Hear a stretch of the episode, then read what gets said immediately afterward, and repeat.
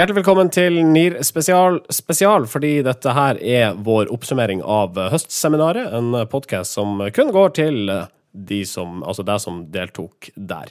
Marius Stølen her, nå tilbake i Bodø. Jeg heier meg på et SAS-fly etter helga. Sitter nå i mitt lille, lille studio. Og eh, Marius og Sindre, dere traska opp gata og fant av Oslo-studio. Ja, det gjorde vi. vi.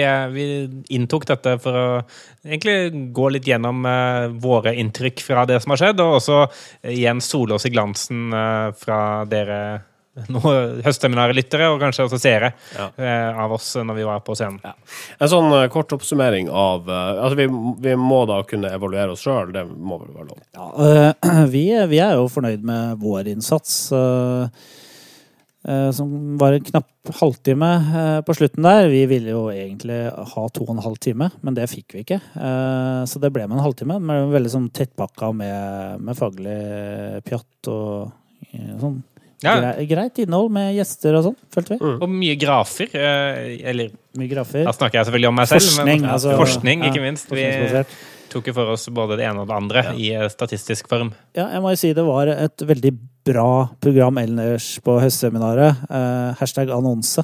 Uh, uh, altså det, er, det, er jo, det, er, jo, en stund siden jeg har vært der, og jeg synes det er jo fortsatt en debatt som har, liksom, som har gått i mange år. så er den her, Hvordan kommunikasjonsrådgiveren kan gjøre seg verdifull i en organisasjon. Den debatten der følte jeg liksom også kom i år. Eh, men, men det er likevel interessant å høre, høre, det. Og så er det selvfølgelig interessant å høre alle de internasjonale foredragsholderne. Eh, som har, noen har kommet mye lenger enn oss på enkelte felter, mens andre følte jeg var sånn Hallo, når det gjelder digitalisering og sånn, så er vi langt, langt fremme foran mange mange andre, eh, rett og slett. Det var mange gode eh, foredragsholdere uh, gjennom disse to dagene høstseminaret uh, varte, og vi uh, prata med noen av de ute på kammerset i etterkant. Eller det vil si, dere gjorde det. Ja, vi, vi gjorde det. Jeg, jeg fikk lov å snakke med de engelske, så jeg stotra meg gjennom to intervjuer med henholdsvis Russell Grossman, Grossman. som snakka om ja, Grossman, som var kommunikasjonsstrateg for Englands offentlighet. Og jeg snakka med den litt uh, yngre og gladlaksete uh, Dan Bennett, som uh, egentlig lurte oss alle i ca. 40 minutter på scenen med litt sånn forskjellig atferdspsykologi og eksperimenter osv. Som også var gøy. Han var en fin fyr. Han lurte meg til å spise appelsin da jeg egentlig ville ha muffins. Han fikk meg til å spise mer muffins enn det jeg hadde tenkt. Sindre, du prata òg med noen mennesker?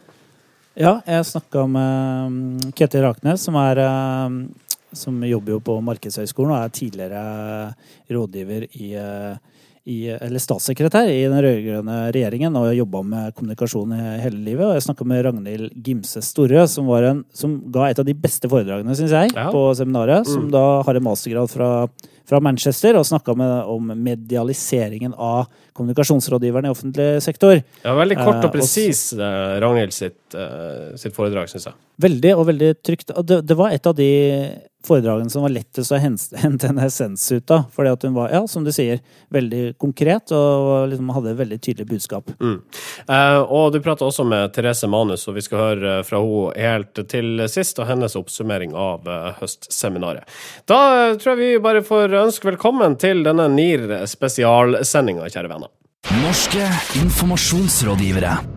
Det var selvfølgelig vårt absolutte høydepunkt å få lov til å stå på scenen under eh, høstseminaret. Og Eh, vi fikk jeg, følte at publikum var med oss uh, gjennom den halvtimen vi sto der. Ja, absolutt. Vi, vi, var litt sånn spente, fordi det er jo mange av dere som var der, som aldri hadde hørt om oss før, eller hadde tenkt å høre om oss, men så fikk dere plutselig ikke noe valg, da, og så var vi der på scenen. Uh, men da følte jeg uh, folk lo og koste seg, og, og jeg vil ikke si det var en Twitter-storm, men det var litt uh, tweets og Instagram-aktivitet i tillegg. Så da tenker vi at vi har gjort noe bra. Ja. Uh, hvis det er noen av dere som hater det vi gjorde, så send oss gjerne en e-post på det. Nearcast.jahu.com. Uh, eh, dere som likte det vi gjorde, fortell dine venner.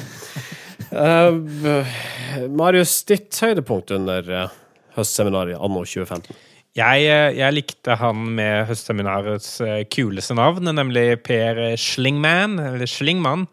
Han, eh, han var jo en svenske som, som har jobbet mye med mye forskjellig. Altså, han er jo politiker, kommunikasjonsrådgiver, forfatter, sjefstrateg for Moderaterne i 2011 til 2012. Og bare han kan masse forskjellige ting. Og han, han snakket, han hadde litt sånn visjonært foredrag om liksom rollen til kommunikasjon i en stadig mer uh, tåkete verden, som han kalte det. Eh, og han eh, hadde et poeng med at liksom, det skjer så mye hele tiden hver dag nå at vi har aldri kunnet mindre nå enn enn, en dette. Eh, fordi eh, det alltid oppstår så mange ting som vi ikke kan. Som vi ikke klarer å lære oss. Det var veldig rart sagt. Eh, samtidig så, så sa han også at, uh, altså det, det som virkelig er, er den harde valutaen i, uh, i dagens samfunn, er å ha, klare å skape samtaleemner. Da. Og det gjelder jo alle. Det gjelder jo som, de som jobber med markedsføring, det gjelder de som jobber med internkommunikasjon i, i virksomheter. Altså, klarer man å skape de tingene som folk snakker om, så plutselig er det en veldig god vei for å klare å påvirke folk til å gjøre sånn som de vil. Men det er kanskje bare en sånn alternativ måte å si å skape en god historie på. Jo, for så vidt. Og den gode historien er liksom noe man kanskje forteller videre, da, men, men jeg syns det er fokuset på at eh, ting skal formidles videre, som jo høres veldig sånn eh, sosiale medier-rådgiveraktig ut når, når jeg sier, sier det nå, men når han sa det, så hørtes det mye, mye smartere ut enn, enn dette her. Jeg kan bare eh, sjekke ut eh, eh, videoinnholdet som Høstseminaret vel har lagt ut på sine eh, nettsider. Der skal det aller meste ligge. Eh, Sindre, ditt høydepunkt kort oppsummert. Det var jo flere, eh, og jeg skal prøve å være kort. Eh, Steven Merringer fra Nato snakka jo om hvordan de forsøker å og, og hvordan de forteller historier, f.eks. For fra Afghanistan, hvor Nato selvfølgelig er tungt inne. Hvordan de prøver å formidle, formidle det som skjer der, og på bakken, egentlig hvordan sivilbefolkningen har det. Og det er en ganske ny måte, de, ny måte for Nato å snakke om liksom det egentlig det med myke verdier, da. Eh, om dagligliv osv. Det var interessant, syns jeg. Og så var det jo eh, selvfølgelig Øystein Bonevik eh, var, eh, var morsom og poengtert. Og jeg syns han har et godt poeng når han eh, sier at alle trenger ikke å være ledere, men eh, du må jo få et, en, en ny måte å og, og på en måte belønne folk som er flinke i et fag. Da. Altså det er viktigere å belønne de som er best i sitt fag, og de trenger nødvendigvis ikke ha en ledertittel.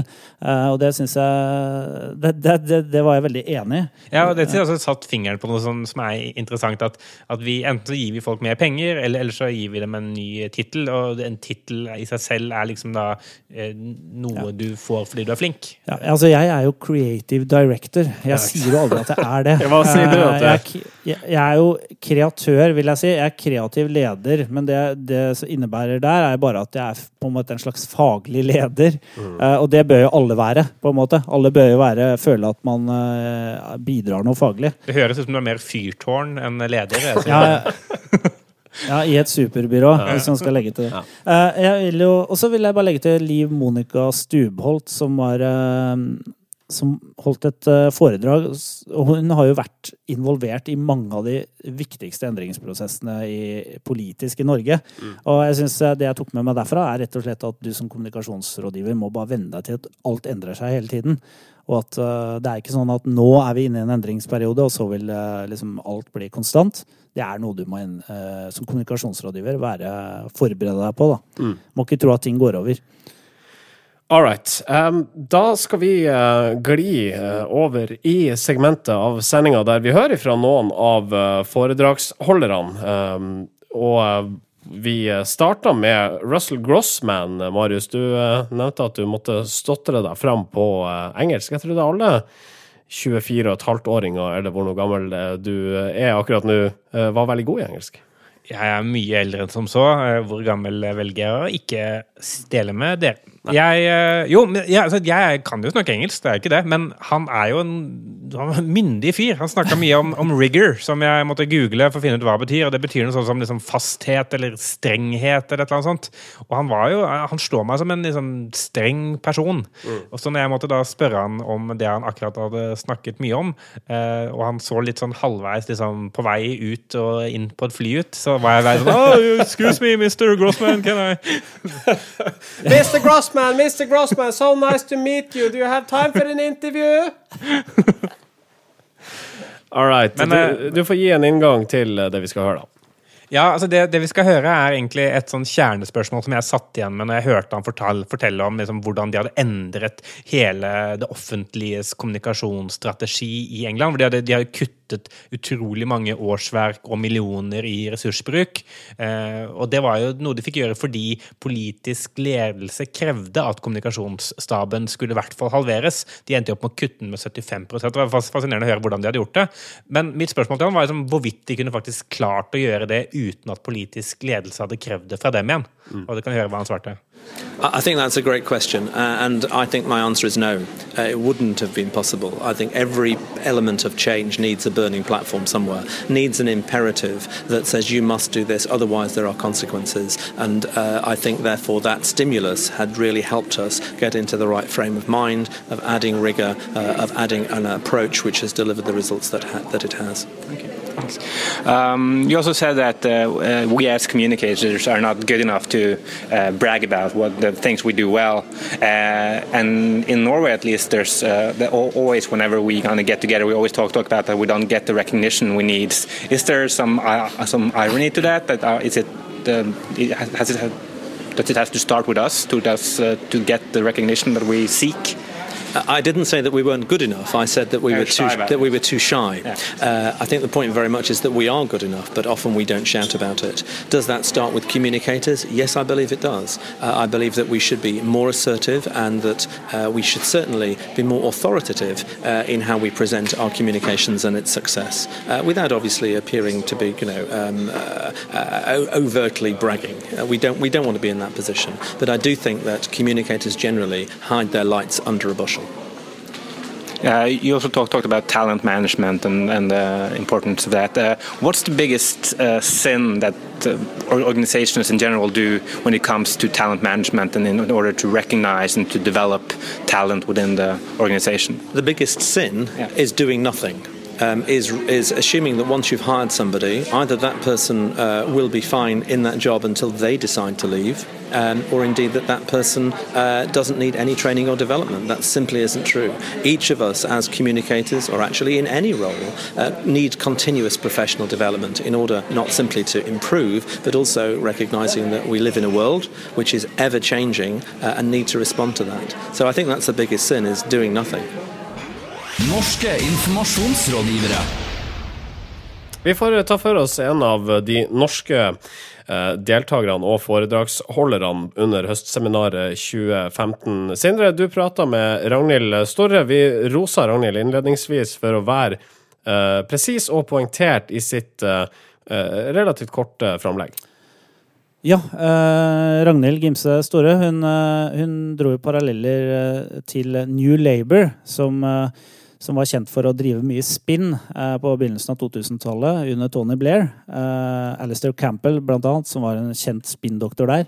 Eh, og hun dro liksom paralleller til nåtid. Og hun mente at norsk, i Norge nå så er vi i ferd med og, og, og, kommunikasjonsrådgiverne er i ferd med å bli litt sånn som eh, de var under Labour, hvor de blir politisert, rett og slett. De forventes å bidra mer politisk, så de er fanga litt sånn imellom barken og veden. Mellom det å være en nøytral eh, rådgiver og det å være egentlig en sånn politisk rådgiver, da. Mm.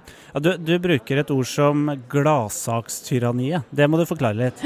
Gladsakstyranniet, ja. Det er jo eh, på en måte eh, nyheter om politikk som eh, dras på en måte over i underholdnings... Eh, sånn på en måte. Og det her er en taktikk som er brukt for å få positiv medieomtale. Fordi folk leser enten om negative ting, parter som settes opp imot hverandre og sånne ting, eller da nyheter som eh, spiller på personlighet og personlige egenskaper og, og sånne ting, om håp, i håp om at man skal få flere, eh, altså få mer støtte blant befolkningen. Da. Hva er du bekymra for? Er du bekymra for at folk skal øh, altså bli, at, at, det er spinnen som på en måte bestemmer hvordan folk oppfatter politikken, sånn at man egentlig ikke lærer så mye om politikk, men øh, hvordan det kommuniseres? Er det det som er problemet? Altså hva er er, hvorfor er dette et problem, eller en utfordring? Mm. Problemet med den situasjonen som vi ser en tendens til nå, er det at det forstyrrer litt det demokratiet vi er vant til i Norge. I Norge så har vi et velinformert elekt, elektorat. Og mm, med denne her situasjonen med medialisering og den mediestyrte hverdagen, så forsvinner den politiske substansen på bekostning av mm, sånn gladsaker, personlige historier, imagebygging av politikere. sånn at man får ikke informasjon om politikk lenger. Man, får, man baserer da stemmene sine på person. Um, og da vet man til slutt ikke lenger hva man skal velge. Kan dette, uh, altså, hvordan kan man snu dette her? Ja, altså Det jeg tror man er nødt til å gjøre, det er at man er nødt til å oppnevne én eh, til to rådgivere eh, politisk. altså De må ha en politisk stilling og skiftes ut ved regjeringsskiftet. Og det her er nødvendigvis ikke helt nye tanker. Han, Gunnar Mathisen i Gelminen Kise har jo lang fartstid fra departementene. Og Han har også vært ute og sagt det, at man er nødt til å oppnevne dem politisk. Og Det vil også gjøre det da mulig for kommunikasjon, altså embetsverket for øvrig å jobbe med de langsiktige sektoroppgavene. Fordi det blir, altså Man blir bare på en måte så blanda sammen. At man, at, og det er viktig å ha det skillet. Vi har alltid hatt det skillet i Norge. Og, det, og det, er, det, er, ikke godt for noen hvis at det på en måte blir en u, sånn uklarhet omkring det. da. Norske informasjonsrådgivere. Tilbake til deg, Marius, som ikke klarte å fri deg fra og prate med de engelsktalende foredragsholderne. Dan Bennett han fascinerte oss alle med uh, disse frukt versus usunne ting-triks. Mye interessant fra Ogilvy-rådgiveren. Han, han, var jo, synes jeg, blant de desidert kuleste folka som eh, var der. Og han har jo også den feteste tittelen jeg har hørt. Han er eh, Choice Architect, Leading the Behavioral Retail Merchandise and Practice i Ogilvy Change UK. Og hva det betyr, det vet jeg ikke engang begynne på å forstå. Spurte du om det? Jeg spurte ikke om det, men det, men det jeg imidlertid spurte ham, var om han kjente Russell Grossman. Så måtte han se på meg og si det er ikke sånn at alle engelskmenn kjenner hverandre. vet Så de kjente hverandre ikke. Sånn er det. Ingenting med hverandre å gjøre. Er ikke fra London begge to? Nei. Nei, det er tydeligvis ikke. Han var fra York, tror jeg. Uh, uansett så, så, snakket jeg litt med han om, om det her med sånn atferdspsykologi, som har blitt et relativt sånn populært felt de siste sånn fem-seks årene. Spesielt med uh, Daniel Kahneman, som jo ga ut denne boka 'Thinking Fast and Slow', som mange har kjøpt og prøvd å lese, inkludert meg selv. Og ikke lykkes. Jeg lykkes sånn halvveis. Det, det, er en fin bok, altså. men, men uh, jeg, er ikke, jeg, er ikke, ferdig med den ennå. Uansett spurte jeg om, om han tror liksom, at uh, den tilgjengeliggjøringen av dette feltet nå gjør at stadig flere benytter seg av det. Behavioral science has had a real surge over the past five or six years. I mean, it's quite interesting. Most of the insights, uh, or most of the experiments, can, you know, started in the 70s. There was, there was lots going on before that, but there was a big kind of boom then in the social sciences.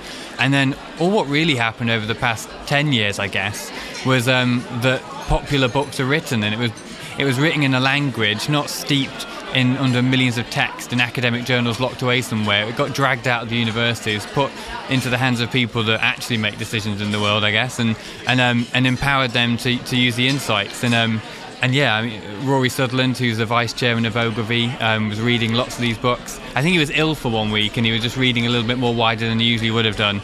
Um, he found out about this, and then he led the um, in the UK the Institute of Practitioners of Advertising's presidency agenda with behavioural science, and I think that really contributed, at least in the UK and, and globally, um, to a kind of uh, kick-starting it in more of the communication industries, more particularly.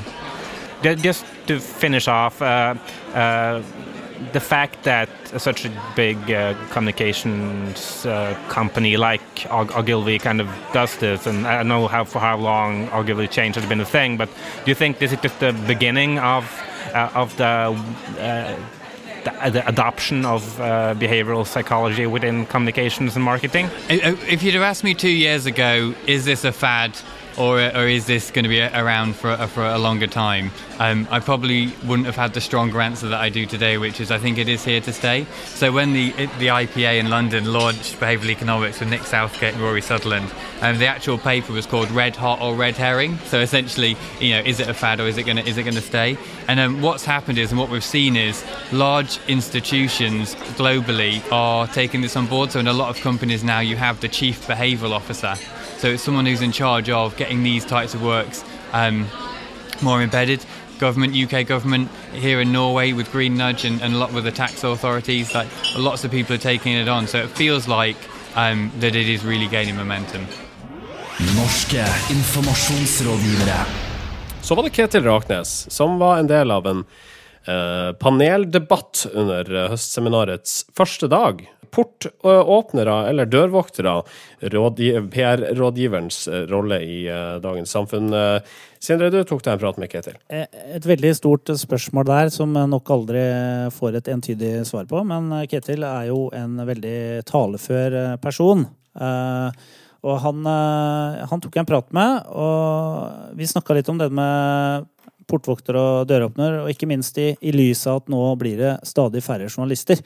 Eh, og vi snakka litt om sosiale medier, og vi snakka ikke minst uh, bitte lite grann om Anders Anundsens eh, video. Eh, hva, kan, hva vil du si er den viktigste utfordringen til en kommunikasjonsrådgiver som jobber eh, med politikk, eller i, i statsapparatet i dag? Den vanskeligste utfordringen handler nettopp om at mange i befolkningen oppfatter deg som en portvokter.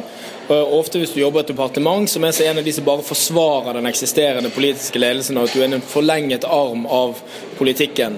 Mens din jobb er egentlig å være en slags uavhengig byråkrat som skal bidra til at folket blir opplyst og får den riktige informasjonen til riktig tid. Og Det kom jo veldig godt fram i diskusjonen òg, at dette er vanskelige balanseganger, hvor spesielt de som jobber nært statsråder og politiske rådgivere, syns det er vanskelig å trekke grensegangen mellom fag og politikk. Det nøytralitetsprinsippet, eller den der eh, måte uavhengigheten, ja. hvordan kan den bli tydeligere kommunisert? Altså, Det kommer litt an på hvor du jobber òg. Skatteetaten var med i debatten nå. Skatteetaten vant akkurat en omdømmepris. Mange av etatene gjør det jo veldig bra. Har blitt mye bedre på service, har blitt mye bedre på å komme direkte ut til folk. Og også Lånekassen. altså Det finnes andre som er gode eksempler eh, på det. Men det som preger de, er at alle oppfatter de som litt uavhengige instanser og institusjoner. Eh, problemet oppstår i det øyeblikket offentlige kommunikasjonsfolk kommer nært politikken.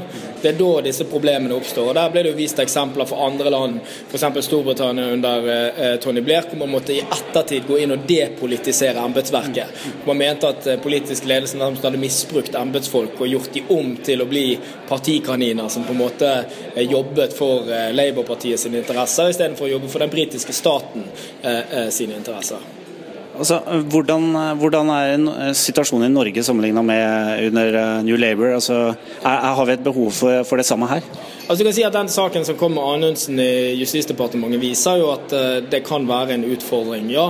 For det var helt klart et partipolitisk budskap som ikke hadde noe i en departementssetting eh, å gjøre. Og så vet vi jo ikke helt hvem som egentlig gjorde hva i den eh, saken. Det er litt sånn vanskelig å si, da, men, men poenget er at det var liksom som det ble sagt i debatten at Min erfaring er at i praksis så eh, er man jo ganske flinke internt til å gi beskjed om at dette må dere ta, dere er politisk ledelse, og, og de som jobber politisk har også stor forståelse. Men problemet er at hvis folk utad ikke oppfatter det sånn, så har du likevel begynt å opparbeide deg et problem. Og det betyr at en kanskje må begynne å gjøre ting for å tydeliggjøre disse eh, skillelinjene. Og det er derfor det er interessant å ha en diskusjon også om hva, hva er en kommunikasjonsrådgivers rolle i offentlig sektor.